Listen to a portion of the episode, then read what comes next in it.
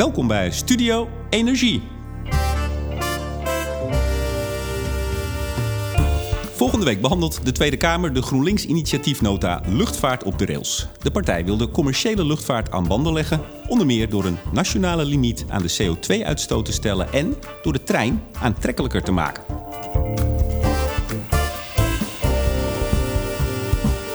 Mijn gast is de auteur van Luchtvaart op de Rails. Ze was ruim tien jaar werkzaam voor Greenpeace voordat ze in 2017 voor GroenLinks lid werd van de Tweede Kamer. Over het spanningsveld tussen vliegen, het milieu en klimaatverandering praat ik met Suzanne Kreuger. En ook deze uitzending wordt weer mede mogelijk gemaakt door energie- en telecombedrijf Nutsgroep, Team Energie van Ploem Advocaten en Notarissen en netbeheerder Stedin. Mevrouw Kreuger, hartelijk welkom. Dankjewel. Dit is een heel bijzondere uitzending. Hebt u enig idee waarom? Nee, vertel. Dit is de 75ste. Gefeliciteerd. En er is nog een bijzonder, eigenlijk een primeurtje. U bent het eerste Kamerlid dat uh, hier plaatsneemt. Echt? Dat vind ik uh, bijzonder. Dat, uh... Ja, ik, ik heb heel weinig pogingen ondernomen om Kamerleden achter de microfoon te krijgen. Ik heb één poging ondernomen, dat was met Klaas Dijkhoff. Toen heb ik een mailtje gestuurd, nooit antwoord gehad. Hm. Misschien was hij bezig met zijn loonstrookje te bestuderen. Maar dat geheel terzijde. Uh, u hebt een initiatiefnota uh, geschreven. Daar gaan we het over hebben. Uh, luchtvaart op de rails. Is dat omdat die luchtvaart totaal ontspoord is? Of omdat het, dat we uit de, de, de, het vliegtuig de trein in moeten? Nou, de titel ja, die is bedoeld ook om precies die vraag op te werpen. Dat we aan de ene kant zien dat een luchtvaart weinig regels heeft met betrekking tot milieu, klimaat, uh, overlast voor de omgeving. Dus in die zin moet de luchtvaart ook echt weer op de rails gebracht worden. En die harde grenzen die er zijn, moeten uh, vastgelegd. En aan de andere kant zouden wij heel graag zien dat we veel van de korte afstandsvluchten binnen Europa op de rails gaan afleggen. Waarbij de rails, moet ik er meteen bij zeggen, hè, het kan ook met de bus of de auto zijn. Ik bedoel, er zijn verschillende varianten. Maar eigenlijk is de trein toch wel een uh, nou, heel belangrijk alternatief. Echt waar, er gingen allemaal klimaatjongeren met de bus vanaf Amsterdam Sloterdijk naar Madrid. Toen dacht ik, daar had toch een treintje beter gepast? Dan was een trein beter geweest. Maar uh, helaas, uh, mijn collega Tom van der Lee zou met de hele commissie EZK met de trein naar Madrid gaan, naar de klimaattop. Alleen staakte de Franse spoorwegen. Dus? Dus die is met de auto samen met Matthijs Sinot uh, gaan carpoolen. Echt die zijn waar? daarheen gereden, ja. Dan niet toch het vliegtuig nemen? Nee, die hebben niet het vliegtuig genomen. Ook juist om uh, dat Madrid zou een afstand zijn waar we van, met z'n allen van zouden moeten zeggen: dat zou per trein echt moeten kunnen. En uh, om dat punt, en dat is een afstand die ook, uh, nou, hij valt wel buiten die range, maar het is wel een, een bestemming die natuurlijk super goed per trein bereikbaar zou kunnen zijn. Echt waar? Het is 15 uur. Het is nu nog 15 uur, maar dat kan een heel stuk korter. En dat is eigenlijk meteen, hè, dan kom je meteen in waarom lukt het nou toch niet om uh, ons spoorvervoer in Europa beter georganiseerd te krijgen. Nou, u, u hebt een nota geschreven en nu gaat het vast beter. En daar gaan we het over hebben ja. natuurlijk. Um, oplettende twitteraars hebben uh, onlangs een foto van u gezien in mijn Twitterlijn. Uh, ik kwam u tegen in de trein. Ja. Daar ben ik u wel eens vaker tegengekomen. Groot treinfan. Ja, ik ben wel een treinfan, ja. Moet ik erbij zeggen, ik heb ook geen rijbewijs. Dus ik ben ook gewoon een OV-mens. Het zou heel lastig zijn als u gaat rijden dan. Dan wordt u steeds aangehouden. En, moeten we nou, niet hebben. Moeten we niet hebben. Nou, ik ben ook een grote treinfan, uh, zeg ik erbij. Dat weten de meeste van de luisteraars ook wel. Ik zag staan op de website van GroenLinks... Uh, u reisde met uw hele gezin de wereld rond om te werken aan duurzaamheid. Vond ik wel een grappig zinnetje. Snapt u waarom? Ik snap heel goed waarom dat een grappig zinnetje is. Omdat ja, het reizen. Is je recent geschreven of is het al een heel oud zinnetje wat er nog staat? Uh, dat is een uh, zinnetje wat, wat ik ook nu nog zou kunnen schrijven. Zeg maar. ik, ik heb uh, voordat ik in de Tweede Kamer kwam tien jaar voor Greenpeace gewerkt. En veel van mijn werk was internationaal. Ik heb een tijd met mijn gezin in Indonesië gewoond en gewerkt. nou, toen was ik, woonde ik in Jakarta. En uh, daarna uh, vanuit Nederland uh, een, een, een, groot team, een mondiaal team aangestuurd van mensen van San Francisco tot en met Nieuw-Zeeland. En dan moest u af en toe even heen. Ik deed heel veel per Skype. Dus ik moet zeggen, toen waren mijn werkdagen. Uh, zat ik soms wel eens acht uur achter elkaar in een hokje achter de Skype met allerlei mensen te overleggen. Niet en te hetzelfde, hè? Nee, en dan soms eens in de zoveel tijd uh, nou, kwamen we fysiek bij elkaar om uh, projecten ja. door te spreken. Maar goed, he, ik denk dat dat zinnetje schetst natuurlijk een dilemma. Het dilemma van nou ja, dat, veel, dat er reizen is ook iets goeds en iets moois en het brengt je wat. Uh, reis is soms hoog nodig.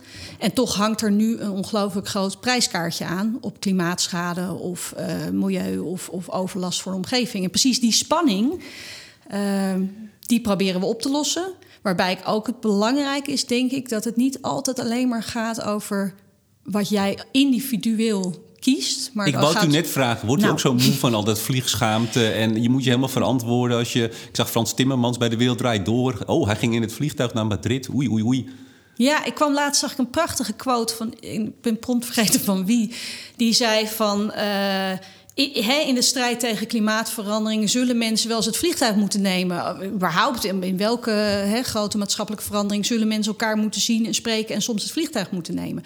Het gaat natuurlijk om dat wij in, op, in het systeem wat wij met elkaar gebouwd hebben. Maar over... is niet beide? Is, dat is altijd de tegenstelling. Het is het systeem, je moet dat via nee, wetgeving het, het doen. Beide. Of moet je personen nou aanspreken. We krijgen het ook dit weekend, kom ik zo op, mm. uh, de Greenpeace-demonstratie op uh, Schiphol. Ja. Voor het eerst volgens mij echt massaal aanwezig in het gezicht van de mensen die het vliegtuig nemen. Dat is mm. toch ook goed dat je mensen aanspreekt op hun vlieggedrag? Ik denk zeker dat iedereen individueel een afweging. Uh, he, dat, dat het bewustzijn, individueel bewustzijn over vliegen en je gedrag daarin heel belangrijk is. Ik denk ook alleen dat we niet onszelf moeten voorhouden dat wij de klimaatcrisis of de biodiversiteitscrisis gaan afwenden door individuele keuzes. Ja. Maar, en het is in die zin, heb je gelijk, het is een valse tegenstelling. Net alsof het een of het ander zou moeten zijn. Die twee gaan ook vaak hand in hand. Ik denk wel, ik snap heel goed uh, hè, dat mensen, uh, dat als je denkt van oh, we gaan allemaal niet meer plastic rietjes gebruiken, dan redden we het klimaat, terwijl ondertussen de fossiele industrie gewoon nog doordendert, die klopt niet. Ja, en dat is denk en, ik ook belangrijk om te benoemen. En of zo'n rietje, in dit geval is dat geloof ik wel echt slecht, maar er zijn ook van die semi oplossingen, de elektrische deelstep, ik heb er laatst nog een stukje over geschreven, die zijn helemaal niet goed. Maar goed. Dat terzijde. ja. Uh, nee, nog even in het voorwoord schrijft u van de nota... ik ben een enorme reiziger, wil het liefst de hele wereld zien schrijft u. Um, en u schrijft, dat vond ik wel leuk, het voorwoord schrijft u van de nota vanuit 2030 terugkijkend op nu eigenlijk. Ja. Soort van. En hebt u het over uw tweeling, want u heeft ja. drie kinderen, begreep ik. Ik heb drie kinderen en een tweeling die uh, acht is. Dus dit is geschreven op het moment dat ik denk, hoop dat ze nog met me op vakantie uh, gaan. Ja. Uh, en mijn zoon is elf, dus die is dan vast al alleen. Maar toen dacht ik, u hebt best, u hebt best veel gereisd, hè? Um, zou het zo kunnen zijn dat u misschien een deel van hun uh, reisbudget, wat misschien wel op de bon gaat later, dat u dat al verbruikt hebt met al uw mooie reizen? Dat zij misschien wel minder van de wereld kunnen zien? Nou, ik, ik zeg wel vaak uh, over dit onderwerp dat ik echt. Dat er wordt heel erg ingezet op technologische vooruitgang. Uh, om de problemen in de luchtvaart op te lossen. Dat ik ongelooflijk hoop dat als mijn kinderen mijn leeftijd hebben dat ze dan inderdaad uh, de wereld kunnen zien uh, zonder de klimaatschade die het nu nog met zich meebrengt. Gaat u voor zorgen? En dat, nou ja, maar dat is, dat is precies het dilemma. En ik, ik vind het ook echt, en daarom is luchtvaart in dit onderwerp zo ingewikkeld omdat reizen is iets moois en iets goeds. En het, de gedachtegoed, het gedachtegoed vanuit uh, het verdrag van Chicago uh, waaruit voort is gekomen dat bijvoorbeeld de luchtvaart geen belasting uh, op kerosine betaalt. Dat was het idee van dat brengt wereldvrede dichterbij. Dan gaan we reizen, dan kunnen mensen elkaar ontmoeten, dan staat er tolerantie. Is toch ook gebeurd? Nou, wereldvrede misschien niet, maar is toch ook voor een flink deel gebeurd? Alleen nu komen we op een punt dat, nou ja, dat we een ander heel groot, uh, uh, een enorme uitdaging voor staan, waar dit allemaal toch wel erg op gespannen voet mee staat. Ik noem dan even die, uh, die demonstratie dit weekend, vrijdag en, of sorry, zaterdag en zondag op Schiphol. Greenpeace, uw, uw oude werkgever, schrijft op de website: het recht op vreedzaam protest is ontzettend belangrijk, want er was ook een beetje aan getornd, heel veel in de, in de hal mogen. Ehm, het is belangrijk om misstanden aan de kaak te stellen in de democratie. En dan gaat het dus over Schiphol. Vindt u Schiphol een misstand? Ik vind de rol die de luchtvaart heeft in de zin dat er uh, nou ja, ze zo'n uitzonderingspositie hebben. En ook wel de rol die een Schiphol heeft in uh, hoe besluiten over luchtvaart genomen worden, vind ik wel een misstand. Echt waar? Ja, want ik denk dat wat we zien is eigenlijk, en dat is in heel veel debat in deze Kamer al gewisseld, is eigenlijk wie, wie is nou eigenlijk de baas? Wie bepaalt de regels? U? Wie Met zit er aan het 149 collega's? Ja, alleen je ziet wel dat, en dat is ook, nou, dat was een WOP van, uh, ik weet niet meer, anderhalf jaar geleden van, uh, van de NOS. Hè, dat als je kijkt naar de besluitvorming rond Schiphol, dan is wel Schiphol en de KLM zitten aan tafel met het ministerie om eigenlijk de regels te maken waar ze zelf aan moeten voldoen. En Schiphol heeft in die zin ook natuurlijk best wel een ambiguë positie. Hè? Het is uh, de staat. Uh, uh, is eigenaar, maar het is ook een, een, zelfstandig bedrijf. Dus er zit ook een, een spanning. Ja, maar ik, ik zit tegenover een van de 150 machtigste mensen in Nederland. Ja. Zeker. En, en ik bedoel, als Tweede Kamer uh, zijn wij eh, medewetgever. Alleen ik denk dat wat wij zien dus... is dat heel veel van de besluitvorming rond uh, Schiphol... ik vind een goed voorbeeld is bijvoorbeeld... nou, we hebben een inspectie, het ILT, die moet handhaven. dat is eigenlijk hè, dat is onze handhaver voor alle afspraken... over geluid of over andere, over nachtvluchten... Nou, dat ILT is in de afgelopen jaren zo ongelooflijk uitgekleed, zoveel wegbezuinigd. Die staat eigenlijk niet in positie omdat Schiphol met al, uh, nou ja, alles wat daar zit, om die echt uh, goed dan, te dan, dan, gaat u hier in een van die vele commissievergaderingen of in een van de vele debatten en wellicht volgende week maandag hè, komt ja, hij in de, in de, in, de, Kamer. Dan zegt u met uh, minstens 75 andere collega's dat er meer geld naar die dienst moet. Nou, Hoe moeilijk is het? Dat voorstel hebben wij al nogal wat keer gedaan. Maar ook overigens samen voor. met de SP en samen met andere partijen. Daar is geen meerderheid voor. Maar ik denk. Um, nou, altijd als het over geld gaat, uh, merk je sowieso dat uh, nou, zaken ingewikkeld zijn. Maar ik, ik denk, daar zit ook een gedachte achter. En ik denk dat we daar ook wel op een kantelpunt zitten. Dat zie je natuurlijk ook wel bijvoorbeeld bij de NVWA of bij andere inspecties. Dat het idee dat we als overheid heel erg afstand hebben genomen en de markt heel veel hebben laten oplossen zelf. En dat je dus niet uh, nou ja, duidelijke regels stelt en die ook hard handhaaft. Dat zie je op milieugebied, denk ik, op een heleboel plekken. Uh, nou ja, de chemische sector uh, heeft daar ook, uh, is er ook nogal nee, wat mee van Greenpeace heeft het over een misstand in de democratie. En u begrijpt wat ik bedoel met te zeggen dat u een van de machtigste mensen bent. Als u hier een meerderheid erachter krijgt, dan krijgt u het voor elkaar. Zo niet, dan is er blijkbaar een democratische meerderheid die vindt dat het goed is zoals het nu is. Of niet? Nou, ja, Schiphol en de luchtvaart is onderdeel van democratische besluitvorming. In die zin uh, is, is hè, ons luchtvaartbeleid is ook het beleid van de afgelopen drie kabinetten Rutte. Dus ja, dat klopt. Alleen uh, de rol, denk, ik denk waar het woord misstand gaat natuurlijk ook over of je vindt dat uh, er genoeg transparantie is ook over de rol die Schiphol en de luchtvaart speelt in de besluiten over de eigen Um, over hoe dat? De, het beleid wat over hunzelf gaat. En dat was bijvoorbeeld die NOS-WOP. Dat ging over dat die partijen meeschrijven aan de antwoorden op Kamervragen. Dan wordt het natuurlijk wel een heel troebel geheel. Dat gebeurt uh, op heel veel vlakken. Hè? Maar ook, ook NGO's schrijven mee aan, aan vragen bijvoorbeeld. Er is natuurlijk heel veel beïnvloeding over en weer tussen allerlei partijen en dit zeker, huis waar we zitten. Zeker. Schiphol is daar geen uitzondering op. Nou ja, maar goed, ik denk dat, dat uh, het ja. Wel, ja of nee? Zijn zijn uitzondering of gebeurt dit gewoon heel veel? Nee, heel ik vind, ik vind de uitzondering... De, je ziet dat de luchtvaart op een aantal plekken in besluitvorming... een uitzonderingspositie heeft. Hè? Ik wil ook nu in het stikstofdossier dat dan eigenlijk blijkt dat heel Schiphol uh, die natuurvergunningen uh, al, al, jaren en jaren niet heeft gehad. En dan wordt er een handhavingsverzoek neergelegd. En dat wordt dan weer uitgesteld tot en met april. Want dan moet Schiphol eerst wel zelf een zienswijze kunnen indienen. Er is, er is denk ik, op heel veel momenten in het luchtvaartdebat. bij veel mensen, omwonenden, en bij maatschappelijke organisaties, maar ook wel bij mij als Kamerlid, het gevoel dat de luchtvaart een uitzonderingspositie heeft. En dan ook nog de rechter natuurlijk.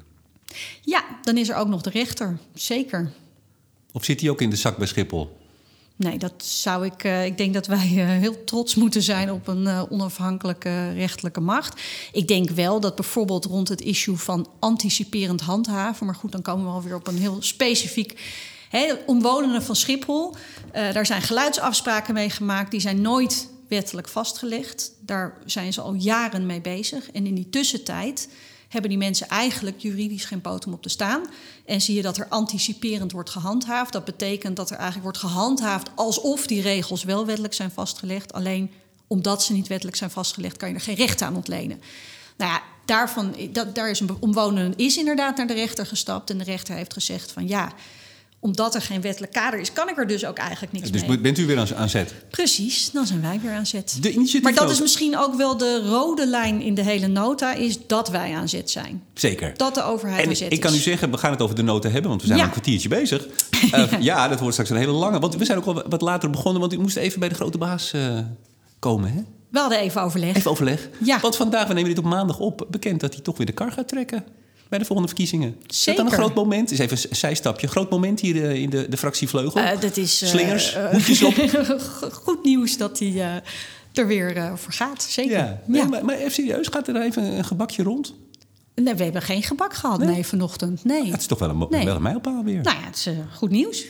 Ja, Dat, dat, dat weet ik even, ehm, maandag in de Kamer. ja, Het is uw eerste initiatiefnota. ja. Spannend. Nou, het, eh, ik heb ehm, eh, de nota van een collega laatst. eh, mocht ik zeg maar woordvoering doen. Dus als, als je je eigen initiatiefnota verdedigt. dan mag dus een, een, een ander Kamerlid Ja. van GroenLinks zeg maar, speelt dan de rol van. Nou ja, degene die. En die eh, vindt het natuurlijk een fantastische nota. nou, het is wel heel leuk om, om ik, toen ik dat deed voor Laura, die had een nota over eh veenweidegebieden, dat je opeens Laura op die Bromet. Laura Bromet. Ja. Eh, en die, dat je opeens op die plek zit van een bewindspersoon. En dat dus ook de bewindspersonen er zijn om eigenlijk de Kamer te adviseren hoe te reageren op jouw nota. Dus je zit Ja. in een heel ander verband. Wat is eigenlijk een initiatiefnota? Wat is de status daarvan? Eh, het is een kamerstuk. Dus het, heeft, eh, ja, het staat gewoon in. in uh, het is onderdeel van de, nou ja, de parlementaire geschiedenis, zeg, zou je kunnen zeggen. En de status is eigenlijk dat het kabinet zich ertoe moet eh, verhouden. Dus die hebben ook een reactie geschreven. Die reactie was wat dunnetjes, dat viel wat tegen. ja, maar u ehm, doet 73 voorstellen, heb ik geteld. Dat je is ook wel heel veel, hè? 73 voorstellen en de reactie van de minister was... Fijn, bedankt. Leuk dat u heeft geparticipeerd. En we gaan weer vrolijk verder. Nee, nou, ik zeg het nu een beetje spottend. kan net zeggen, het zal maar ik ietsje- ietsje- voelde me een beetje als een eh, participerende omwonende. Oké, nou, dat gevoel is, dat is misschien wel goed om dat... Althans, om te voelen wat de burger voelt. Maar het, Nou- zal, het zal maandag toch wel wat dieper gaan dan dit. Ja, nou kijk, maandag is het eigenlijk zo dat eh, Kamerleden mij kritisch mogen bevragen op de nota. En ik daar eh, op, op reageer. En dat er daarna moties ingediend mogen worden. Vanuit vak K dan? Nee, de moties Oh, worden gewoon eigenlijk Nee, nee, maar u zit, waar zit u dan als u dat verdedigt? Ehm, Gewoon achter het ja, spreekstoeltje? ja, ja, Oké. ja. Ehm, ik moet moet er al zeggen, Henry Bontebal... eh, ik had hem vanochtend even aan de lijn... hulde dat GroenLinks een eh initiatiefnoot heeft geschreven, zei hij. Nou, Hij heeft gewerkt in dit huis voor een ook andere dat partij. compliment kan ik weer in mijn zak steken. Ja, Dat- hij- want ik vroeg hem ook even van... Henry, hoe moet ik dat nou zien, zo'n nota? Hij zegt, nou nee, kijk, hij zegt, ze kunnen ook eh, anderhalf A4'tje opsturen. U hebt er geloof ik 44 pagina's aan gewijd. Met een uitgebreid bronnen, bronnenstelsel. Ehm, dus eh, nee, eh, hulde van Bontebal. Nou, dank. En ik, ik, ik, ik, eh, nou, de reden waarom ik dat zeg over de reactie van de minister is: kijk, de, de, waarom wij deze nota geschreven hebben, is eigenlijk. eh, de minister werkt aan een luchtvaartnota. En dat is eigenlijk het plan voor de Nederlandse luchtvaart van 2020 tot 2050. Wordt al een tijdje aan gewerkt, hè? Wordt al een hele tijd aan gewerkt, is geloof ik nu weer uitgesteld.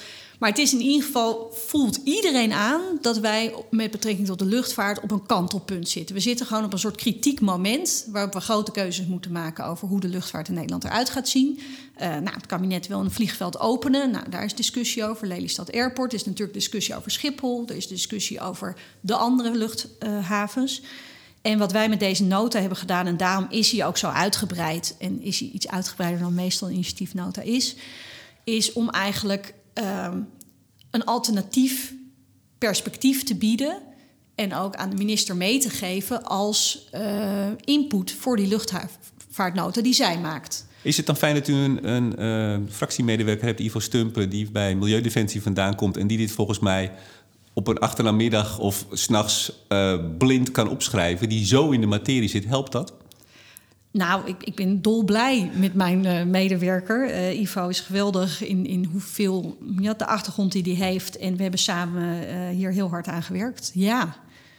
Het ja is, dat, dat, maar goed, je bent wel met z'n tweetjes. Hè? Dat is dus ook wel bij het schrijven dat je merkt van... oh ja, zo'n zo'n luchtvaartnota die de minister schrijft... daar heeft ze natuurlijk een flink blik ambtenaren voor. Ja, het is armoedtroevier in dit huis. Nou, daarom ja. was ik daarom ja, dat toch? ik net een beetje... Heel weinig ondersteuning? Nee, we krijgen weinig ondersteuning, ja. Kunt u ook met z'n allen wat aan doen natuurlijk. Ja, is, is het voorstel uh, van uh, collega Jette om uh, dat er meer ondersteuning ja, komt. Gaat niet halen, toch? Eh, ik dacht dat dat wel... Ja, eh, gaat wel. eh, ah, klein bedrag. Maar Ja. niet, niet echt gewoon flink. Eh, Nou, kijk, ik, ik moet ook zeggen, we hebben ook nog als Kamer eh, een griffie. Eh, die is dus zeg maar, eh, nou ja, hoe zeg je dat, neutraal, maar gewoon... eh, die helpen ook. Die helpen ook met gewoon heel veel informatie en Ja. achtergrond. Maar nog heel even toch nog iets zeggen over waarom ik net een beetje snibbig iets zei oh, u over wilt, u wilt het toch even terugnemen? U bent- Nee, bent bang dat u de niet. minister, die hoort dit Nee. natuurlijk, die gaat meteen luisteren morgen. en die denkt, hé hey, Kreuger, ik krijg je wel. Nou, ik, ik, ik moet zeggen dat als je. eh, ik zie natuurlijk heel veel omwonenden. Je hebt nu een beetje de categorie expert-omwonenden. Hè? Die is ontstaan. Zo'n Leon Adegeest eh, bijvoorbeeld. Je ziet dat er gewoon heel veel oprecht. eh, nagedacht wordt over hoe het anders zou moeten met de luchtvaart. En ook op papier wordt gezet. En dat dat dan toch een beetje wordt gezegd. Nou, fijn, dank u, we nemen het mee in de besluitvorming en we gaan weer verder. Terwijl ik denk, ja, ik zou ook wel willen dat er op die voorstellen ook inhoudelijk wordt ingegaan, Maar, natuurlijk. maar u- de minister komt toch maandag niet weg met geen antwoord op 73 voorstellen van u? we gaan, eh, nee, we, dat komt vast goed. Hey, ik heb de, de, mm, de inhoudsopgave even voor me. ja, Ehm, ja, want dat is dan, we zijn al, eh, we zijn al een eindje op streek. Oh ja. En wat Ja. gaan we allemaal bespreken? Eh, hoofdstuk 1, de grenzen zijn bereikt. Nou, ik denk dat u dat. Ik denk ook dat heel veel mensen het met u eens zijn, overigens. Hè? ja, D- dit is niet een controversieel maatschappelijk onderwerp. Ik denk dat heel veel mensen zeggen: we, mo- we moeten maar eens kijken of dit wel zo verder moet als het over vliegen gaat. Eh, ik denk dat dat ongelooflijk verschoven is. En dat is ook wel, als ik bedenk waar we stonden toen ik in 2017 begon. En waar we nu staan, dat er ongelooflijk veel gebeurd is in de afgelopen 2,5 Maar allemaal door, jaar. door eh, klimaatakkoord Parijs, klimaatverandering. Hè? Is dat de driver? Ik denk dat het, eh, het spannende wat gebeurd is op luchtvaart... is eigenlijk dat twee eh, maatschappelijke zorgen, zou je het kunnen noemen... of twee maatschappelijke bewegingen elkaar gevonden hebben... en elkaar versterken. Want je hebt aan de ene kant de omwonenden... Nou, zeker de omwonenden van Schiphol zijn natuurlijk al jaren en jaren eh, bezig in allerlei participatietrajecten en, en inspraak, et cetera. Eh, nou, je hebt de omwonenden die zich zorgen maakten over Lelystad Airport en die laagvliegroutes. En dat is eigenlijk die, de klimaatbeweging en het feit dat de luchtvaart, net zoals de zeescheepvaart, een uitzonderingspositie heeft en op dit moment niet goed genoeg is ge- ge- geborgd, zeg maar, in het internationaal klimaatbeleid. De, die twee zijn elkaar gaan vinden. En dat maakt het ook wel heel spannend. Ik, Maar de derde partij hierin, namelijk mensen die in die vliegtuigen gaan zitten, die zijn dan geloof ik nog niet zo bezig om daar iets eh, zelf Mhm. ja, maar ik aan denk te ook veranderen. dat mensen die in die vliegtuigen gaan zitten, horen ook nog bij, bij allebei die groepen deels. Want ik bedoel, heel veel mensen vliegen en mensen vliegen en zijn dan toch bezorgd over Ik het bedoel feit. eigenlijk, we zien nog geen afname in het aantal Nee, in Nederland niet. Oftewel, die zorgen die Eh, men heeft, zowel over geluid en stikstof... Ja, leiden en, nog niet tot minder- Leidt nog niet tot dat mensen massaal minder in het vliegtuig stappen. In Nederland nog niet. In eh, Zweden eh schijn je het wel al te zien. Je Schijn. schijnt- Schijn, zegt u. Ik zeg schijnt, Ja, ja. dus dat weet ja, nou, er zeker. zijn cijfers van, maar goed, ik denk altijd van... dan moet je over een iets langere periode zien... om het Precies. echt even heel goed te kunnen Ja. inschatten, lijkt mij. Maar goed, ik, ik- nogmaals, en dat hadden we het net natuurlijk ook een beetje over... ik denk dat er een heleboel mensen zijn die denken... we hebben een Schiphol op dit moment... we hebben een bepaalde capaciteit... Waarom is die groei nodig? Wat geeft die groei ons en wat kost die groei ons? En laten we die discussie eens eerlijk voeren. Ja, en dan zegt u... En dat eh, is winst, wat mij betreft. Zeker, dan zegt u de grenzen zijn bereikt. Dan gaat het over klimaat, veiligheid, gezondheid, natuur. We zitten overal nog gewoon binnen de wettelijke normen, of niet? Nou ja, qua klimaat is er geen wettelijke norm. Eh, qua eh, natuur is, er, is, is de vraag of de wettelijke norm... want dat is precies die stikstofdiscussie... waaruit blijkt dat Schiphol al jarenlang geen natuurvergunning heeft. Ja. Dus dat is een hele spannende discussie, vind ik. Veiligheid?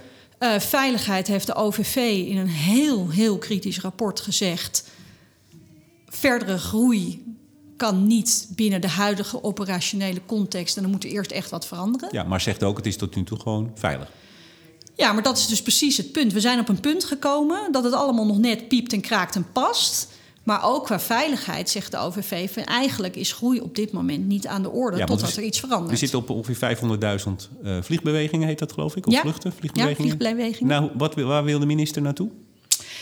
Ja, de minister eh, wil twee dingen. Die wil aan de ene kant natuurlijk Lelystad Airport openen. Dat zijn 45.000 extra, en dat moet ik wel even benadrukken, extra vliegbewegingen. En daarnaast wil, heeft ze aangegeven dat Schiphol zou moeten kunnen groeien... of kunnen verdienen te groeien naar 540. Dus dat is in totaal, dan heb je er 80.000 bij. Maar u zegt, u benadrukt ook extra, die 45.000. Ja, Uh, is er ineens behoefte aan 45.000 extra vluchten dan?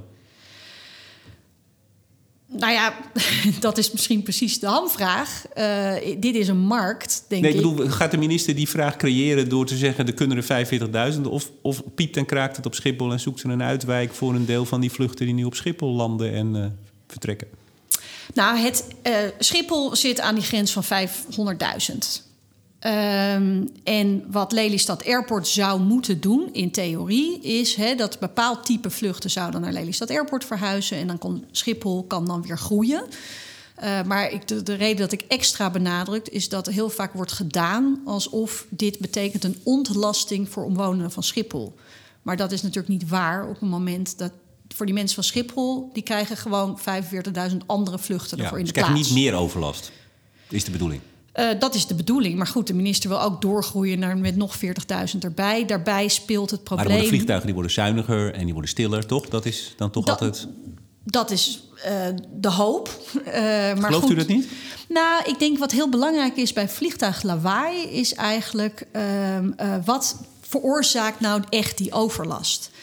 En wat heel vaak mensen zeggen is: oké, okay, stel een vliegtuig wordt ietsje stiller maar ik krijg er wel drie keer meer over mijn hoofd, dan heb ik eigenlijk wel drie keer zoveel overlast. Dus het, het, het stiller worden van een individueel vliegtuig weegt niet op tegen het vermeerderen van de overlast qua frequentie. En daar zit denk ik. Uh, ik denk dat, maar goed, dat is ook een van de voorstellen in onze nota, is dat bij, lucht, bij geluidsoverlast we veel beter moeten kijken naar wat het doet met mensen, fysiek, qua gezondheid, de beleving. Uh, daar heeft het WHO, uh, Wereldgezondheidsorganisatie, net ook een advies over uitgebracht. Die eigenlijk zegt: ja, juist dat luchtvaartgeluid veroorzaakt veel gezondheidsschade. En dan moet je echt toch gewoon veel voorzichtiger en, mee omgaan. En het, het, heeft ook heel veel te maken met of je een, een hekel hebt aan die dingen. Want dan heb je er veel meer last van. Nou ja, hoe, waar, wat uit die WHO-studies komt, is eigenlijk dat dus het type geluid van luchtvaart, dat dat heel uh, hoe je dat, veel doet, zeg maar, met, met je hersens. Dat het zelfs als je diep in slaap bent, nog uh, onbewust, zeg maar, ja, iets ik, aanzet. Ik, ik, bedoel eigenlijk, ik woon ja. in Amsterdam-West en we hebben best wel veel festivals om ons heen. Daar Ja. heb ik ontzettende hekel aan. en Terwijl- dus ook veel last van. En dus last van. Terwijl uh, mijn- mijn buurman die zegt, nou, ik vind het wel prima. Die heeft helemaal geen last van. Dat, dat bedoel ik eigenlijk, dat aspect. Ja, maar goed, dat heel is. veel van de klachten komen ook van een relatief kleine groep mensen... die heel veel klachten over Schiphol Eh, eh, uiten. Ja, er is een, eh, er is een groep eh veelklagers, zeg maar, om even dat woord te gebruiken. Er is een groep die veel overlast heeft en ook veel klaagt. Er is aan de andere kant ook steeds meer mensen die afhaken met het, eh, die geen klacht meer indienen, omdat ze weten dat er toch niks mee gedaan wordt. Verhuizen die dan ook of niet? Kan dat? Nou ja, ik, ik was laatst in Aalsmeer en daarvan zeggen mensen van... joh, we krijgen die huizen helemaal niet verkocht, want eh, ja, je hebt gewoon zoveel overlast. Dus ik denk dat we wel echt een heel serieus probleem met hebben met een aantal gemeentes. En wat je ziet in de afgelopen paar jaar, want eigenlijk heb ik heel veel mensen gesproken die zeggen... nou, tot drie, vier jaar geleden was het echt wel behapbaar... en in een korte tijd is het heel heftig geworden. Dus ja, dan is het toch kennelijk eh, nou, een combinatie van de frequentie, nachtvluchten, geen handhaving. En dat het ook op een eh, steeds geografisch, steeds breder gebied. Dus je ziet bijvoorbeeld ook dat er steeds meer klachten uit de provincie Utrecht komen. Of uit de provincie Zuid-Holland. Dus hè, net wat Ja. verder weg, waar dus kennelijk toch veel overlast Ik, ik kijk even op de klok, Ja. want we hebben nog zoveel te bespreken. Maar eh, we gaan We er zijn even wat pas bij de sneller... inhoudsopgave, Ja, nee, we, nee, nee, we, gaan, we, gaan, we gaan er wat sneller doorheen. En als u mij even de, de fles water kan geven, want ik, ik kan ook wel een slokje Hmm. dat gebruiken. een heel goed Of idee. schenkt u mij? Ja, schenkt Ja, we schenken even Dat is nog bij. fijner. Ga ik even door. Nee, Ja. want we gaan er even ietsje sneller doorheen. U Ja. zegt dus eigenlijk, die grenzen zijn bereikt. Dat is helder. Ja, Zo. Ehm, dan hebt u het over beleid. Hè? U zegt, nou ja, mon- mondiaal is, eh, is de luchtvaart zit buiten bijvoorbeeld de, de klimaatakkoorden. Ja. Maar in Europa zitten die Europese vluchten, want daar gaan we het zo over hebben. Hè? Ja. Die wilt u eigenlijk het liefst de trein in, als het even kan. Ja. Die vallen keurig onder het ETS-systeem. En dat plafond van die rechter gaat ieder jaar naar beneden. Ja. Dus uiteindelijk wordt op die manier worden die Europese vluchten keurig eh, eh, naar beneden gedrukt. Dat is, eh, eh, zeg maar, eh, wij zijn blij dat de Europese vluchten onder EU-ETS vallen, zeker. Alleen is het Heel veel wel... mensen weten het niet, hè? want de, de retoriek is wel vaak niet zozeer van u, maar in Ja. het algemeen van ja, die hele luchtvaart is uitgezonderd. Nee, Ja. al, al die Europese korte vluchten. Die zitten onder EU-ETS. Ja. Het is wel zo dat er heel veel gratis rechten uh, worden uh, vergeven. Ja, dat schrijft u ook in de nota. Maar dat maakt natuurlijk helemaal niet uit. Het gaat erom dat er ieder jaar minder zijn. En op een gegeven moment moeten die luchtvaartmaatschappijen ja, wat. Ja, Kijk, en, en daar zit dan misschien precies uh, het vraagstuk: is uh, uh, welke beleidsinstrumenten heb je en op, hoeveel, op welke termijn gaan die werken en met welk effect? Het gaat niet snel genoeg. Het gaat denk ik niet snel genoeg. Ik denk dat het belangrijk is dat EU-ETS er is en ook blijft bestaan en dat we die, dat robuust houden.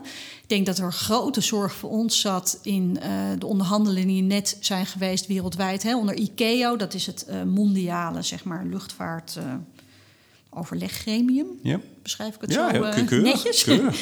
uh, nou, die hebben een eigen systeem, Corsia. En eigenlijk is er ontzettende druk om te zeggen... goh, Europa, stoppen jullie nou met dat EU-ETS... want we krijgen nu Corsia en dat wordt een wereldwijd systeem... en dan hoeven we dat EU-ETS niet meer te hebben. En ik denk dat het heel belangrijk is... en daar hebben wij ook als GroenLinks erg op aangedrongen... dat Europa vasthoudt aan EU-ETS. Maar dat houden ze ook toch? Ze willen er alleen maar meer, meer landen, willen er meer, zoals Duitsland. Uh, en Nederland ook meer eronder vegen juist. Nou ja, er was natuurlijk discussie, en dat was een beetje het spannende, dat er onder Corsia een, een bepaalde uh, regel was in dat verdrag wat net is uh, besproken, een resolutie, waarin eigenlijk werd gezegd: Corsia is het enige wereldwijde CO2-systeem wat er mag gelden. Maar dat is nog niet erdoor. Nou, daar is nu discussie over hoe hard die zin is. En daarin heeft, naar ik meen, Finland maar mede namens Nederland, een stemverklaring afgegeven om te zeggen: Nou, wij hebben EU-ETS en dat houden we zo. Misschien nog wel belangrijker dan het EU-ETS is uh, meneer Dick Benschop. Ja, u knikt al. Die zegt: uh, de luchtvaart moet een gewone sector worden. Die gewoon keurig met alle. Uh, klimaat. Ja, u zit ontzettend te glimlachen. u straalt helemaal. Nou, ik, en in 2050 moeten we gewoon klimaatneutraal ja. zijn. Hoppa! Ja. Wat vindt u daarvan? Nou, ik denk een heel belangrijk signaal dat de tweede luchthaven van Europa dat uh, uh, zegt. Gelooft u hem ook? Uh, ik geloof wel dat dit zijn wens is. Ik weet niet of hij uh, dit ook meteen betekent dat zijn lobby richting Den Haag wijzigt. En dat is natuurlijk een beetje de proof of the pudding. Ja, uh, zeg maar, u, u, weet het niet zeker, of denkt u dat, dat ik zie hele andere signalen? Ik, dit nou, is prachtig goed, voor de bühne en voor hebben... de media, maar, maar ik zie wat anders. Of zegt u, nou, dit nee, zou nou, wel eens kijk, kunnen? Volgens mij heeft uh, uh, Dick Benschop, toen hij CEO werd, of baas van Schiphol werd, heeft hij geprobeerd, zeg maar, een, een, een breuk te forceren met zijn voorganger. Hè, en wil hij echt een ander geluid laten horen. Nou, dan heeft hij het over gematigde groei. Maar ook de gematigde groei waar hij voor staat, is, is gewoon een fikse groei. Nee, maar klimaatneutraal 250, de luchtvaart. Ja, Punt. Nou, dat zegt hij. Geweldig, belangrijk. Laten we dat vastleggen. Laten we dat vooral uh, uh, echt vast gaan leggen. En laten we dan ook de consequenties daaruit trekken. En dat betekent dat we ongelooflijk hard aan de bak moeten. En dat groei qua vliegbeweging op dit moment dan niet reëel is. Hij zegt bijmengen biokerosine, verplicht? Ja, daar heb ik heel veel, heel veel vraagtekens bij. Waarom? Ik denk dat we uh, in de auto-industrie hebben gezien wat de bijmengverplichting, uh, dat dat uh, een instrument is. Wat zeg maar op het moment dat je een kwantitatieve doelstelling stelt, dat het voor iets waar ook zoveel risico's aan zitten, namelijk de hele biomassa-discussie, dat de kans op dat er toch biobrandstoffen bij komen die niet duurzaam zijn, heel groot is. Ik ben wel, ik denk dat biobrandstoffen onderdeel gaat zijn van, van de oplossing. Of nou ja, van in ieder geval de transitiepakket, om het zo maar te noemen. Op naar synthetische kerosine. Ja, dat, is eigenlijk, dat vond ik ook de enige, want u noemt een aantal alternatieven: biokerosine, synthetisch, gassen, elektrisch vliegen, compensatie, mm. als hè, het, het ja. compenseren van je uitstoot. Maar eigenlijk alleen die synthetische, daar zag ik u in de nota heel uh, veel in zien. Klopt dat? Nou, ik, ik, ik denk dat we eigenlijk op een punt zitten waarbij het uh, ook voor de sector zelf nog helemaal niet zo bepaald is waar de echte oplossing in gaat zitten. En dat je dus het heel spannend wordt, ook voor uh, in de innovatie uh, die de luchtvaartsector zelf in gang gaat zetten, waar uiteindelijk het op uit gaat komen. Je ziet een deel van de sector kijkt heel erg naar elektrisch vliegen.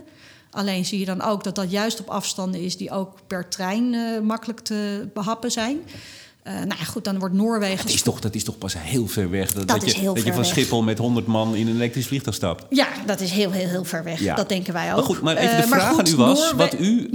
Klopt mijn beeld? En zo niet, dan zegt u dat. Nee, klopt niet. Klopt mijn beeld dat die synthetische eh, kerosine, dat u daar het meeste in ziet van al die alternatieven die er nu zijn, die u eigenlijk allemaal één voor één in de nota zo van: nee, dat, dat wordt hem ook niet. Dat wordt hem ook, u leidt natuurlijk toe van minder, moet er minder.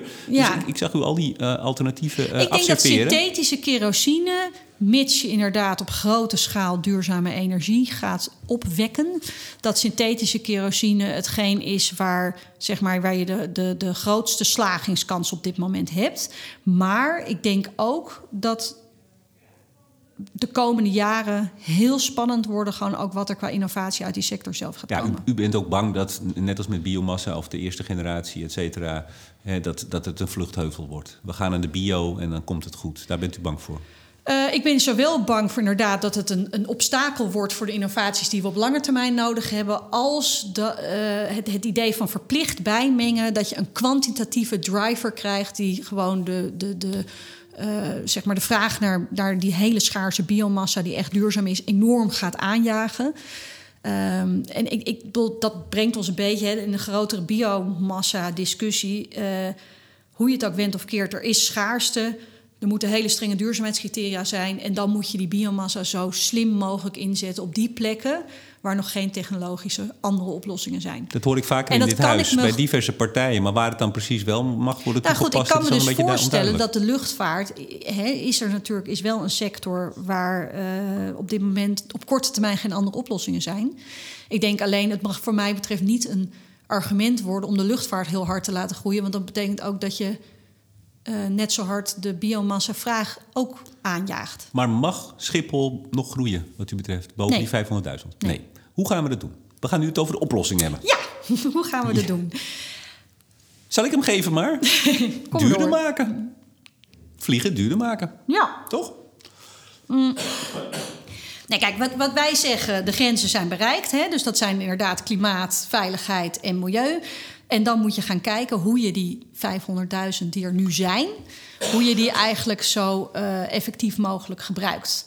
Hè? Hoe, hoe krijgen we daar grip op? En daarom Ja. zit het woord grip ook best wel vaak in deze nota. Grip boven groei, Grip staat er. boven groei, precies. Nou, zegt u het maar. Eén. Hoe gaan we Nou, het doen? Nou, wat ons betreft is het, het de slotcoördinatie. En dat is eh, eh, een begrip waar, waar nou ja, wellicht weinig bekendheid over is. We hebben op dit moment eigenlijk niet een manier om die schaarste, wat die 500.000 is, om dat te verdelen. Dus er is slotcoördinatie. Eigenlijk moet je je voorstellen als, nou, wil jij op eh, Schiphol landen, eh, een plekje krijgen, dan moet je dat aanmelden. Eh, eigenlijk is daar nu niet een systeem om te zeggen, goh, we hebben al 60 vluchten naar Londen. Die 61ste vlucht die is eigenlijk niet zo heel ontzettend handig, zeg maar.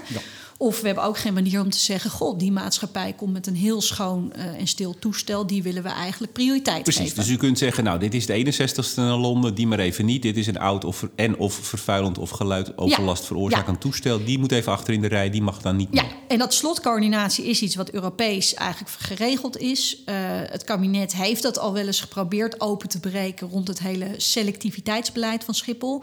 Dat houdt in dat eh, Schiphol een hub is en dat dus de vakantievluchten naar Lelystad Airport eh, moesten. Nou, enorm gesteggel met Europa hoe erg je mag inbreken op die markt. Maar hier gaat het Nederlandse kabinet kan hier niks aan doen, hoor ik u zeggen. Ehm, nou ja, het Nederlandse kabinet kan heel hard, want die hele slotverordening die komt, wordt volgend jaar herzien in Europa. En wat ons betreft gaat Nederland heel hard pleiten voor een slotcoördinatie waarbij we weer kunnen sturen. Waarbij je dus als overheid veel meer grip krijgt Ja. om te kunnen sturen. En dan moeten we Schiphol ook misschien wat meer zien als een, eh, als een Utrecht Centraal. Als gewoon een plek waar treinen komen en waar je dus ook een beetje eh, ja, grip hebt over welke bestemmingen en hoe we die aanvliegen. Ja, nou moet ik zeggen, u, u schrijft ook in de nota... eh, momenteel gaan er inderdaad 60 vlu- eh, vlu- ja, vluchten per dag van Amsterdam naar Londen. Terwijl je er met, eh, in 3,5 uur eh, over doet naar Hartje Centrum. Nou ben ik twee keer de afgelopen twee jaar met de trein naar Londen... Ja, u, Ja, Ik dacht, nou, als, als het lukt om in 3,5 uur in Londen te komen. eh, want ik, ik heb gisteren even gekeken. Als ik eh, eh, vandaag, dag van de uitzending, dinsdag, naar Ja. Londen zou willen. dan kom ik tussen de 4 uur en 42 minuten en 6 uur en 8 minuten. Ja. En terug is het sneller, dat klopt. Want dan heb je die overstap niet in Nee, Brussel. een- dan zit je op 3 een uur 50 of 3 uur 55. pijnlijk en terecht punt. Namelijk het pijnlijke is dat het ons nog steeds niet gelukt is om die overstap op Brussel eruit te Ik dacht krijgen. dat je ging zeggen, het pijnlijke is dat we die 3,5 uur verkeerd in onze noten hebben gezet. Die Want die klopt 3,5 niet.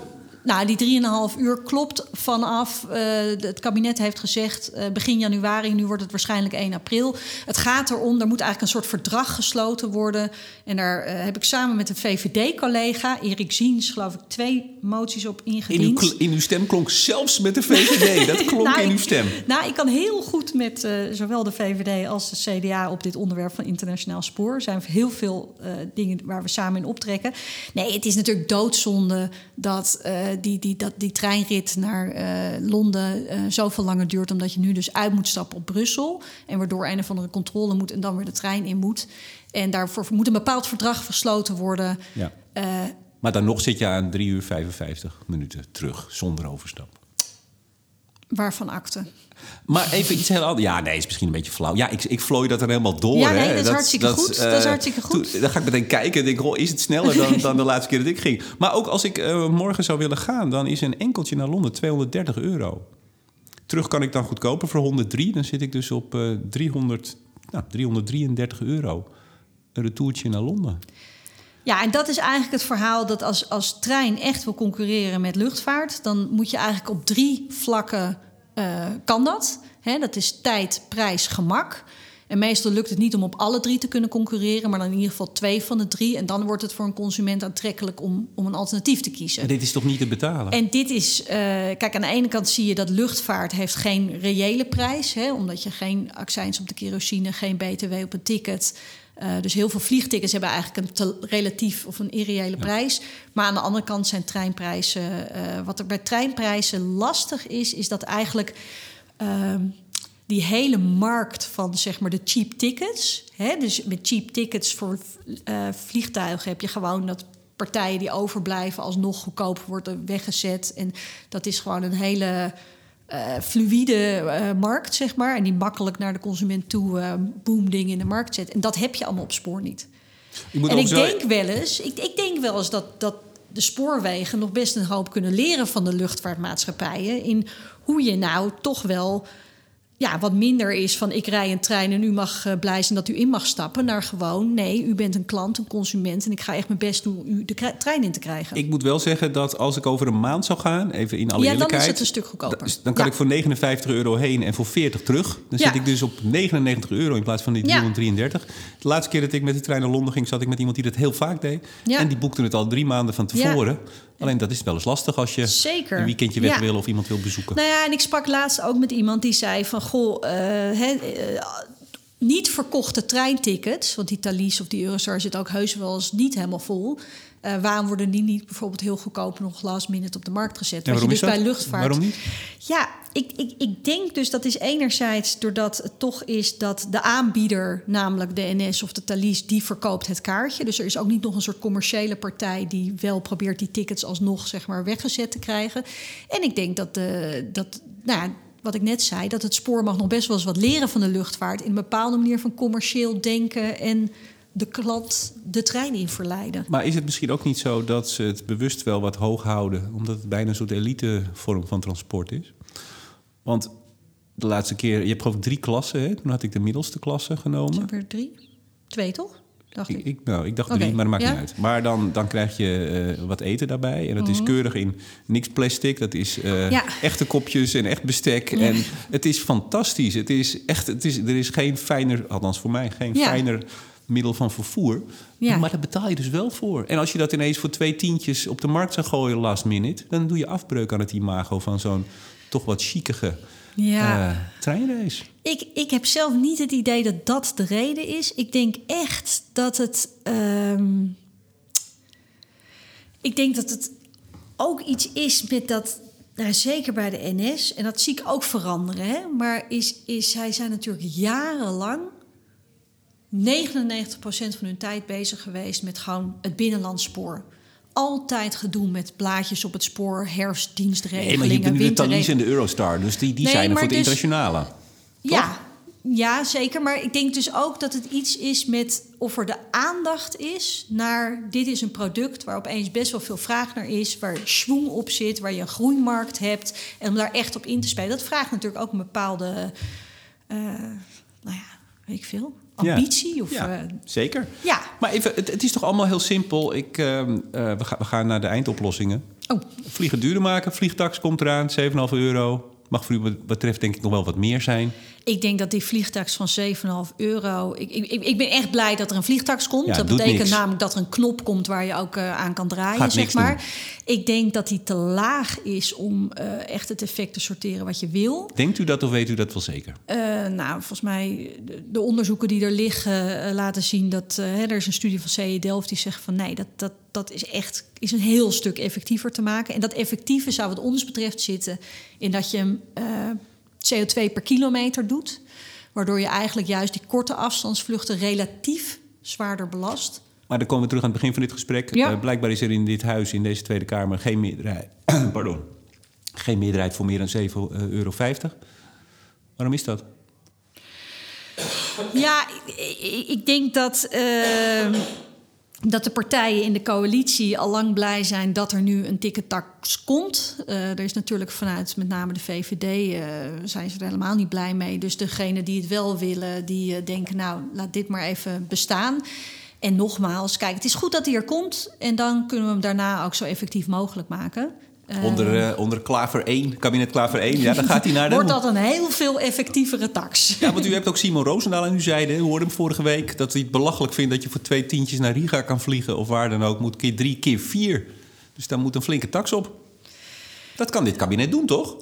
Eh, dit, dit, dit, dat er kan van alles. Eh, kijk, ik denk ook wel, het is ook spannend dat je nu ziet natuurlijk eh, wat er Europees gaat gebeuren. Hè? Dat, dat eh, de staatssecretaris heeft allemaal Europese eh, leiders bij elkaar gebracht om te zeggen van nou, we moeten ook Europees aan de slag met die tickettax.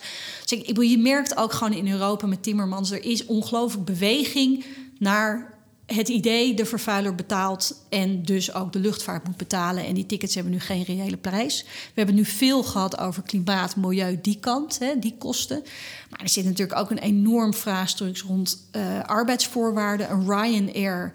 Ik vind het echt onbestaanbaar dat wij zo direct Lelystad Airport openen. Wat nou ja, zowel voor de omwonenden als voor het klimaat echt, echt een uitermate slecht plan is. Waar dan een Ryanair kan komen eh, en hoe die met zijn personeel omgaat.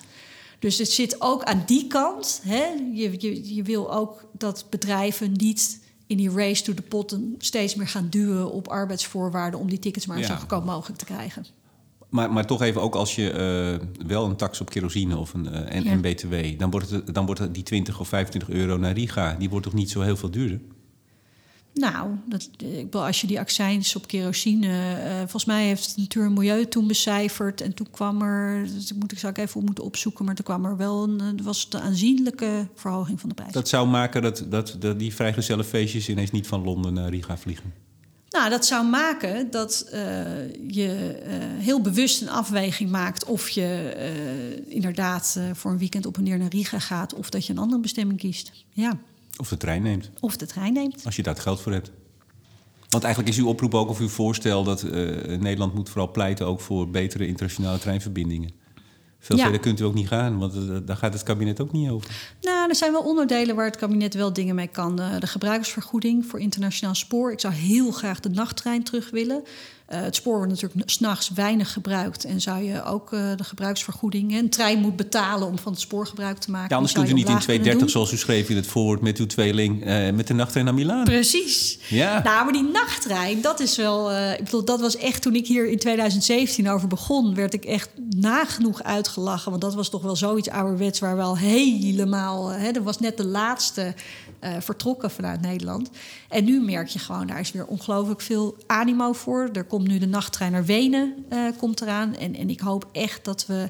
Nou, Zo'n bestemming als Madrid zou echt heel goed met de nachttrein kunnen. Ik zit ineens te denken aan mijn eigen nachttreinavontuur. Nu praat ik over ergens in de jaren tachtig. Maar dat was gewoon was stoel, stoelen een beetje tegen elkaar aanschuiven... Ja. zo'n coupé en daar een beetje opgevouwen op gaan liggen. U denkt toch meer over echte bedden? Maar nou, de ÖBB heeft net uh, die, die, die online gezette nieuwe nachttreincoupés. Nou, is prachtig, Kost ook op patiënten, hè? Zeggen we dan maar weer. Ja, maar ja, bespaar je ook een hotelovernachting.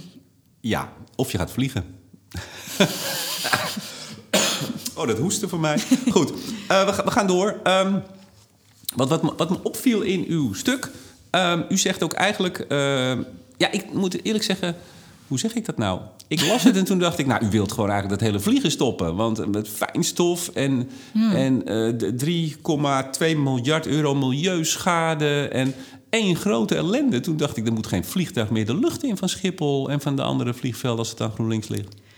Ja, dat is toch een uh, hardnekkig misverstand. Nee, maar waarom besteedt u er dan zoveel tekst aan? Om, en hoeveel dat een vliegtuig een miljoen keer meer nou, fijnstofdeeltjes uitstoot dan een vrachtauto? Nou, Blijkt overigens wel dat het dan weer anders zit op hoogte. Nou goed, anyway. Maar het was echt één, het is één aanklacht bijna tegen, tegen ja, dat viel me op dat dat er ook in zit. Was okay. die duim zo dik geworden, die 44 pagina's? nou, kijk, de, de, nota is geschreven vanuit... Uh, is toch ook een... Uh, je zou kunnen zeggen een weerwoord tegen... Uh, ik denk dat er twee mantra's zijn die vrij hardnekkig zijn. Eén is uh, de luchtvaart moet groeien. Groei, groei, groei, schrijft u. Ja. Ja, maar dat is toch eigenlijk kabinet op kabinet zegt gewoon... de luchtvaart moet groeien. Dat is eigenlijk iets wat nooit ter discussie staat. En om dat ter discussie te stellen, de, de, de argumentatie waarom de luchtvaart, ondanks dat al die grenzen zo hard zijn, toch uh, moet groeien, is altijd de techniek gaat het oplossen. Ja. Dus de reden dat wij de nota zo hebben opgebouwd, is ook om te zeggen, nou, uh, de luchtvaart heeft een heel hoog prijskaartje. Uh, nou, die die 3,2 uh, miljard uh, is uit een PBL-studie. Die luchtvaart heeft een heel hoog prijskaartje. En die technologische oplossingen, ik, wil, ik zou willen dat het morgen er was. Die zijn er alleen nog niet. En dus je zit nu eigenlijk in ja, een periode. Maar dan kun je toch zeggen, we moeten gewoon terug. We moeten terug naar uh, 250.000 vluchten. Of naar 300.000. Kies een getal. Ja, wat ons betreft. Maar dat zegt u niet. Nee, wat ons betreft is eigenlijk uh, sowieso is de politieke discussie is dat dit kabinet wil groeien, die 85.000 erbij. En wij zeggen dat moeten we niet hebben. Dus dat is ook de politieke realiteit waar dit stuk. Maar moet u niet gewoon veel, veel hoger inzetten op krimp? En dan komt u misschien uit op wat u wilt. Maar als, het is eigenlijk heel zuinig. Nogmaals, als ik het lees, dan denk ik... hoe kan het nou, überhaupt nog dat er een vliegtuig de lucht in gaat in Nederland? Zo voelt KLM en Schiphol, denk ik niet. Uh, kijk, ik, ik, denk waar, wat, waar wij, uh, wat wij uh, voor ons zien... is eigenlijk dat je eh, een stevig... dat je die grenzen borgt. Dat je die grenzen ook handhaafbaar maakt. En daar maak ik me eigenlijk het meeste zorgen over ultrafijnstof dat je voor nu heb je die 500.000. Maar als uit die grenzen blijkt dat het eigenlijk omlaag moet en er is niet de technologische vooruitgang om dat uh, mogelijk te maken, ja, dan, dan is krimp zeg maar het andere scenario. Ja, over die fijnstof. Ik zag u al even in de koffiecorner voordat we begonnen. Toen zei ik al, er staat een hele rare bron bij bij het fijnstofverhaal. Pelgrim 2018. Ik heb me rot gezocht wie of wat Pelgrim was. Dat bleek een factcheck in de krant te zijn die grotendeels waar was. Daar zaten nog allemaal mits en maren. Vond ik niet heel sterk. Ik vind het een fijne notitie. Ja. Maar dat nou, dacht deze ik, hè, dat kan toch... Deze voetnoot, uh, ja. dit uh, noteer ik. Maar even over dat ultrafijnstof. Ja, want nee, even, nee, nee, maar even serieus serieus. Kijk, uh, het RIVM is met de. RIVM doet nu heel groot onderzoek naar ultrafijnstof rond Schiphol. Uh, heeft kindertjes uh, in Aalsmeer gemonitord. Nee, dat, ik denk dat iedereen het weet. Daar hoeft u, nou, nee, maar ik kijk een beetje op de tijd ja? ook. Oh. Ja, we moeten door. Nee, maar dat is okay. een serieuze zaak. Daar, daar doet niemand. A, een serieuze daar zaak. Doet niemand luchthartig over. Echt en niet. B, denk ik dat dit, wat mij betreft. Hè, ik bedoel, we hebben het over allerlei onderwerpen. Maar ik denk dat dit ultrafijnstof wel eens de echte Achilleshiel van de luchtvaart zou kunnen zijn. Ja, maar over luchten gesproken. Want dat ja. is. Ik heb nog één of twee onderwerpjes kort. Ja. Uh, als het gaat over de, de economische noodzaak van Schiphol, hè, die groei, of überhaupt de, de banenmotor van de Nederlandse economie, zoals die vaak wordt genoemd, daarvan zegt u, nou, dat is helemaal niet waar. U haalt een aantal onderzoeken aan waar het ook staat. Ik vond wel dat u het wel een beetje bagatelliseerde, die economische groei. Of, pardon, economische waarde. Nou, ook de banen die daaraan verbonden zijn. Uh, de vindt u niet dat u dat een, is- beetje, een beetje bagatelliseert? Nou, dat hoop ik echt niet. Eh, de, de vraag voor ons was: is groei noodzakelijk om de economische positie Nee, van u zegt Schiphol iets te anders. borgen? Ja, ja, dat zegt u, maar u zegt ook iets anders. U zegt het gebruik van diezelfde ruimte, dus Mhm. die van Schiphol en de andere luchthavens, kan met een andere bestemming mogelijk veel meer werk en welvaart opleveren tegen geringere milieukosten. Nou ja, dat is precies Ja, dan de zeg ik discussie. morgen doen. Nou, dat, dit is precies de discussie die nu bij Rotterdam de Hague Airport eh, serieus verkend wordt. Hè. Dat is natuurlijk een, een, een relatief klein vliegveld, maar wel heel dicht op een heleboel woonwijken. En daarvan gaat inderdaad echt een studie plaatsvinden van stel je zou die ruimte nou hebben en je zou het voor andere doeleinden, voor industrie, voor wonen, voor eh, groen, andere doeleinden kunnen gebruiken. Wat levert het ons op en wat kost het ons? En ik denk dat eh, voor mij eh, was het heel belangrijk om eh, het mantra de groei van Schiphol betekent de groei van KLM, betekent de groei van de BV Nederland, om die kritisch tegen het licht te Maar houden. slaat u dan niet weer een beetje door de andere kant op? Want als ik het zo lees, Mhm. da- dan, dan lijkt het zo van... ja, we kunnen net zo goed morgen stoppen. Dan gaan we wat anders leuks doen. Mogelijk, dat vind ik wel Mhm. een verraderlijk woordje... mogelijk zelfs veel meer werk en welvaart. Dan moet je dat toch of heel stevig onderbouwen... maar dat kunt u toch ook nog niet? Ik bedoel, ik snap wel dat u zich keert tegen dat groei, groei, groei... maar u gaat eigenlijk de andere kant op. En u zegt ook, ja, onze economie draait al lang niet meer op alleen goederen. Het gaat om kennis, internet en datatransport. Bedoel, als ik bij Tom van der Lees, uw collega, over de industrie... dan denk ik dat ik vergelijkbare geluiden kan horen. We hebben vandaag eh, protestacties, althans gisteren als mensen dit horen bij Tata Steel. Is dat niet een beetje het manco bij GroenLinks... dat alles wat enigszins vervuilend is, of zelfs heel vervuilend... Dat, dat kunnen we eigenlijk wel zonder. Dat hoor ik zo vaak. En dan gaan we allemaal lekker aan het internet... en aan het datatransport Nou ja, en aan de kennis. Misschien met banken. Misschien kunnen we nog leuk een, leuk een belastingparadijs Zoals je worden. net zelf concludeerde, eh, pleiten wij in het geheel niet voor het sluiten van Schiphol. Alleen de vraag is. Nee, maar u zegt, nee, maar sorry, ik onderbreek Ja? u. Dat, maar als, dat zegt u. Dus het is een beetje in die zin een, een, Mhm. een af en toe een wat wankelende notitie, vind ik, of nota. Dus aan de ene kant inderdaad zegt u wat u ook keurig Mhm. Ja. zegt, maar aan de andere kant sch- schrijft u dingen waar je ook van kan concluderen. Ja, slu- sluiten die boel. Als, als, als een politica zegt, ja, maar we kunnen met een andere bestemming mogelijk veel meer welvaart en banen. En dan denk ik, nou prima, doen. Kom met een voorstel, dan gooi je Ja. de boel dicht. Volgens mij is de discussie waar we het over hebben, is je hebt nu een Schiphol. Hoe ga je die capaciteit zo goed mogelijk benutten? Eh, het argument voor groei is altijd dat de hub en de rol die het als mainport eh, inneemt. Nou, daar is ongeveer veel op af te dingen, ook door het RLI, door andere studies. Maar u houdt hem wel in de lucht. U zegt die korte vluchtjes, dat, dat, dat gehop links en rechts, daar kunnen we vanaf. En dan kan het die hubfunctie, die internationale, kan Schiphol dan blijven behouden. Ja, maar een deel van, kijk, Schiphol is nu natuurlijk heel erg gemodelleerd naar het eh, businessmodel van de KLM, wat juist is ingericht op die korte vluchtjes. Hè. Het, het KLM haalt eigenlijk met hele dunne lijnen mensen uit heel Europa op en verzet ze over op een groot vliegtuig richting, eh, nou, noem maar wat. Wherever. New York, Shanghai. Eh, en ik denk dat dat precies, eh, een, dat is natuurlijk een, een, een eh, model wat inherent heel erg veel vluchten betekent. Dat betekent namelijk dat je iedereen ophaalt en omzet naar grote vluchten. Ja. Dat kan met de trein, zegt u. Althans, Nou, dat kan met de trein. Of het gaat ook zijn dat er steeds meer point-to-point verkeer is vanuit verschillende Europese bestemmingen naar Shanghai. Dat mensen niet meer per se via Schiphol willen. Ja. Ik denk een ander aspect wat ik heel interessant zou vinden, is als je kijkt als Schiphol met Frankfurt en Paris-Charles de Gaulle. eh, of je dat, dat hub-model ook eigenlijk veel meer als een soort West-Europese meta-hub. eh, dat je veel meer met elkaar kijkt van, goh, eh, we zijn, West-Europa is zo klein eigenlijk. Die drie vliegvelden liggen op heel erg korte treinafstand van elkaar.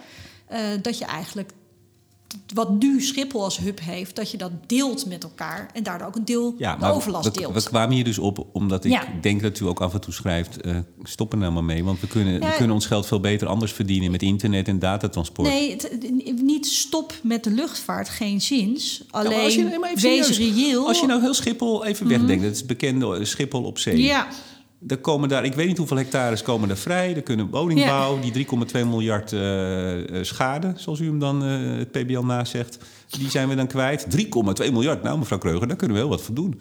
ja. Dan trekt de lijn dan door. Zegt, oh nou, we hebben Ja, kijk, niet grote nadeel. Ik, ik vind twee grote bezwaren met. Ik bedoel, er is natuurlijk een, een, een stevig pleidooi in de Kamer geweest voor Schiphol op zee. Ik denk dat er, voor mij betreft, is het een beetje een, een, een discussie die vooral de bal vooruit schopt.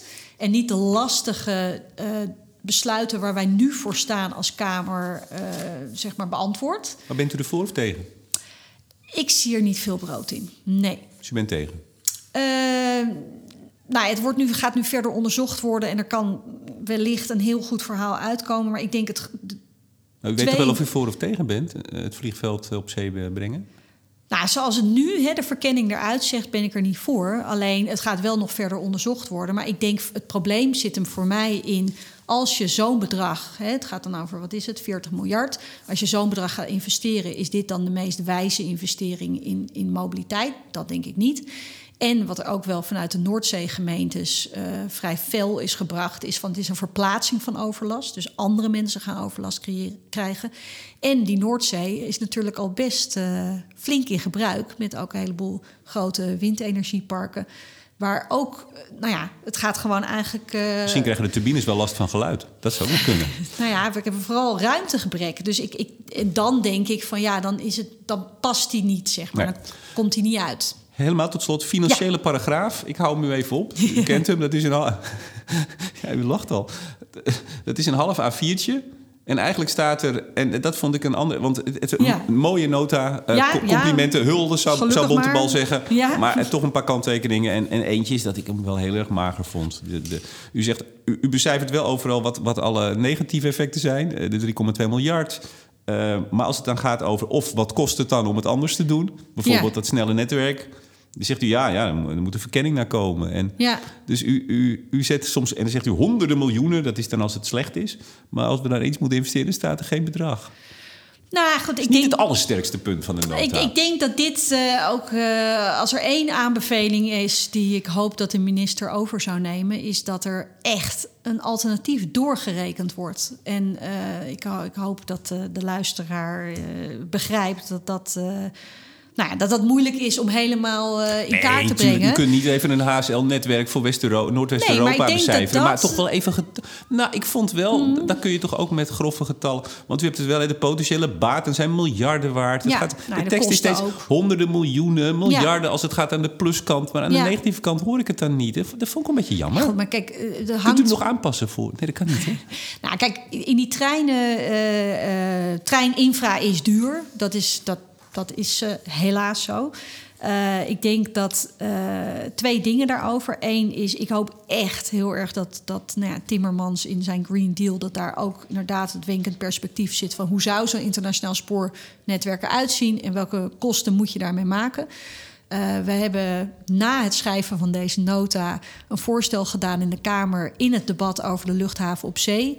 Dat de minister, als zij zo'n alternatief gaat uitwerken, dat ze ook een alternatief uitwerkt, wat wij noemden de Railport Schiphol. Maar als je nou echt van zeg maar Schiphol en Amsterdam Zuid, dat station, als je daar een soort rail internationale treinhub van zou willen maken, over welke investeringskosten hebben we het dan echt? Ja, die moeten we dan een keer twee of drie doen, geloof ik. Want het is nu ook alweer een drama aan het worden. De hele ondertunneling van de Zuidas uh, rondom het station. Zuidas ja. Nou, uh, weer een heel ander verhaal. Gaat u dit weekend naar uh, Schiphol protesteren? Ik moet even kijken, maar ik uh, denk dat ik wel uh, even daar een kijkje ga nemen. Ja, ik ben ik denk dat ze u wel missen, uw oud-Greenpeace-collega's en de omwonenden. Ja, daar gaat u toch gewoon heen? Ik, ja, ik denk dat het... Ja, ja maar ik, moet, ik, ik, heb drie kinderen. Mijn weekenden zijn... Uh... Neem ze mee. Ja, wellicht. Dat kan ook overnacht worden, ja. zag ik. Dus. Ja, begin lekker overdag eens even een rondje wandelen. Goed zo. Ik, uh, nou, ik wens u veel succes uiteraard bij het, ja, toch het verdedigen van de nota hè, volgende week. Ja, dank. Ik heb er heel veel zin in. Suzanne Kreuger, Tweede Kamerlid voor GroenLinks. Hartelijk dank voor dit gesprek. Bedank ook deze week weer energie- en telecombedrijf Nutsgroep, Team Energie van Ploem Advocaat en Notarissen en Netbeheerder Stedin voor het mede mogelijk maken van deze uitzending. En uiteraard bedank ik jou, beste luisteraar, voor het luisteren. Mijn naam is Remco de Boer. Graag tot volgende week.